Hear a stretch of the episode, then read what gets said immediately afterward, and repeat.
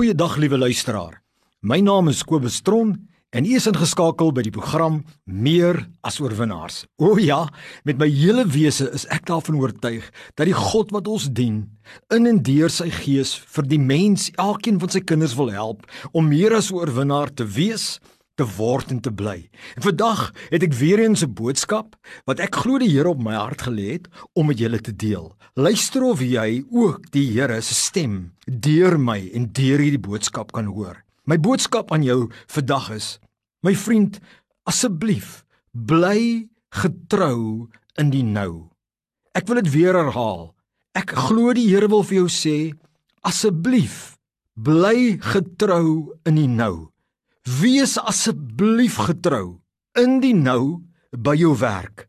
Maak seker dat jy nie ontrou raak nou in jou verantwoordelikhede by die werk nie.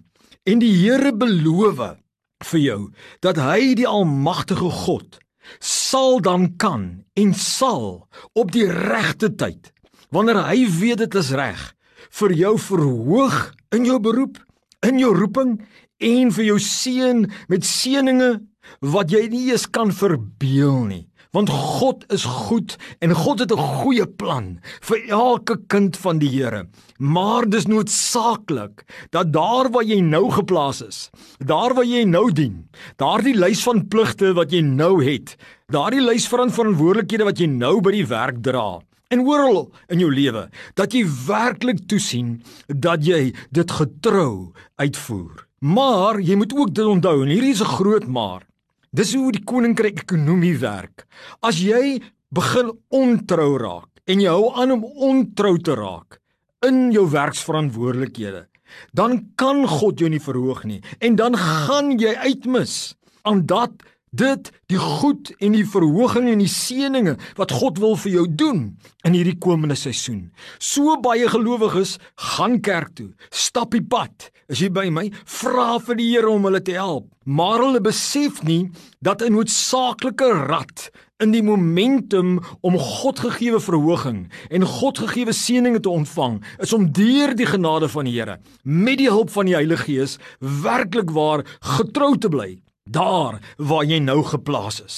Jy sê, Kobus, ek luister en ek hoor, maar wat beteken dit prakties om getrou te wees? My vriend, om getrou te wees beteken om in jou huidige pligte en verantwoordelikhede by die werk of in enige ander area van jou lewe om dit toegewyd en goed en so voordelig as moontlik uit te voer om nie lui weg te steek nie om te bly om 'n kwaliteit diens te lewer. Ek wil dit weer herhaal. Dis om jou huidige pligte, jou huidige verantwoordelikhede by jou werk en in ander gevalle in ander gebiede om dit werklik waar toegewyd en goed en so voordelig as moontlik uit te voer.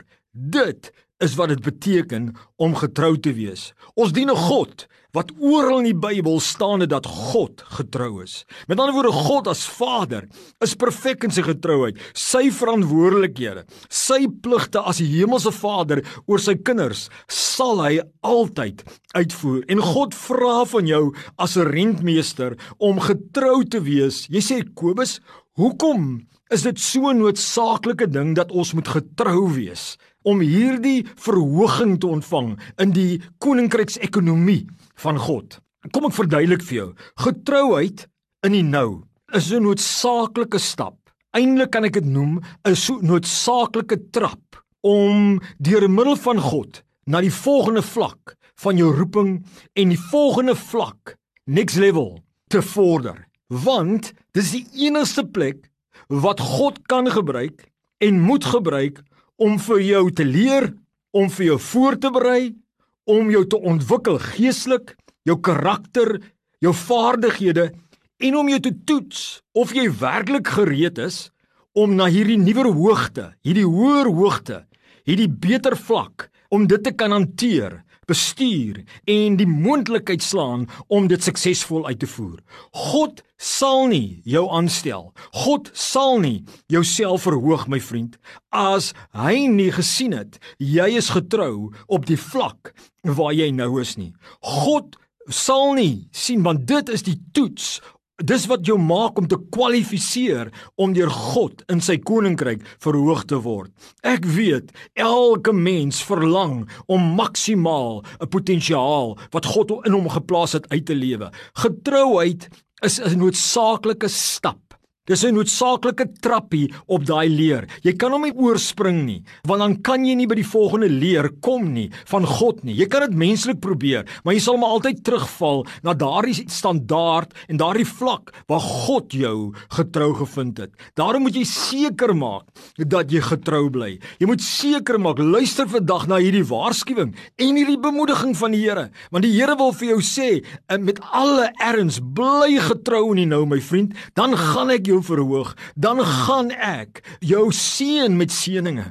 In Matteus 25 vers 21 in die gelykenis van die talente verduidelik die Here en hy sê dis hoe sy koninkryk werk. En dan sê hy hierdie woorde, dit is so mooi. Hy sê: "Mooi so, goeie en getroue dienskneg. Oor weinig was jy getrou.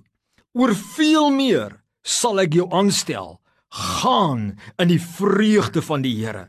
Let wel, Die dienskneg het die eienaar goed en getrou genoem en hy het vir hom gesê oor die weinig was jy getrou. Nou sal ek jou oor veel meer aanstel.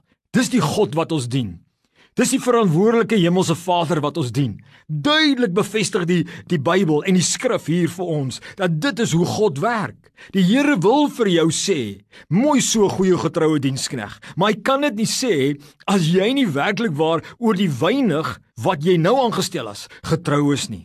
In Spreuke 28 vers 20 sê die woord van die Here, 'n getroue man is ryk aan seëninge, maar hy wat haastig is om ryk te word, sal nie ongestraf bly nie. Mense, dit is die hart van die Here. Hy sê ryk aan seëninge, hy wat getrou is. Maar hy wat haastig is, hy wat daai trappie probeer spring, hy gaan net eenvoudig tweede kom. In Lukas 16 vers 10 verder bevestig die Bybel dit. Hy sê hy wat getrou is in die geringe is ook in die grotere getrou.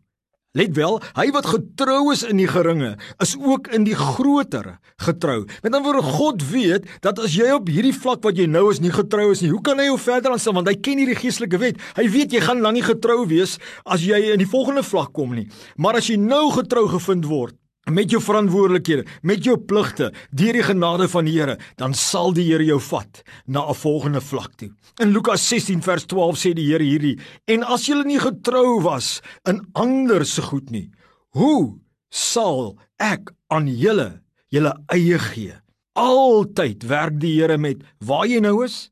Al werk jy in iemand anders se akker, al het jy beplan jy om jou eie besigheid byvoorbeeld te begin, sê God: "Nee, nee, nee.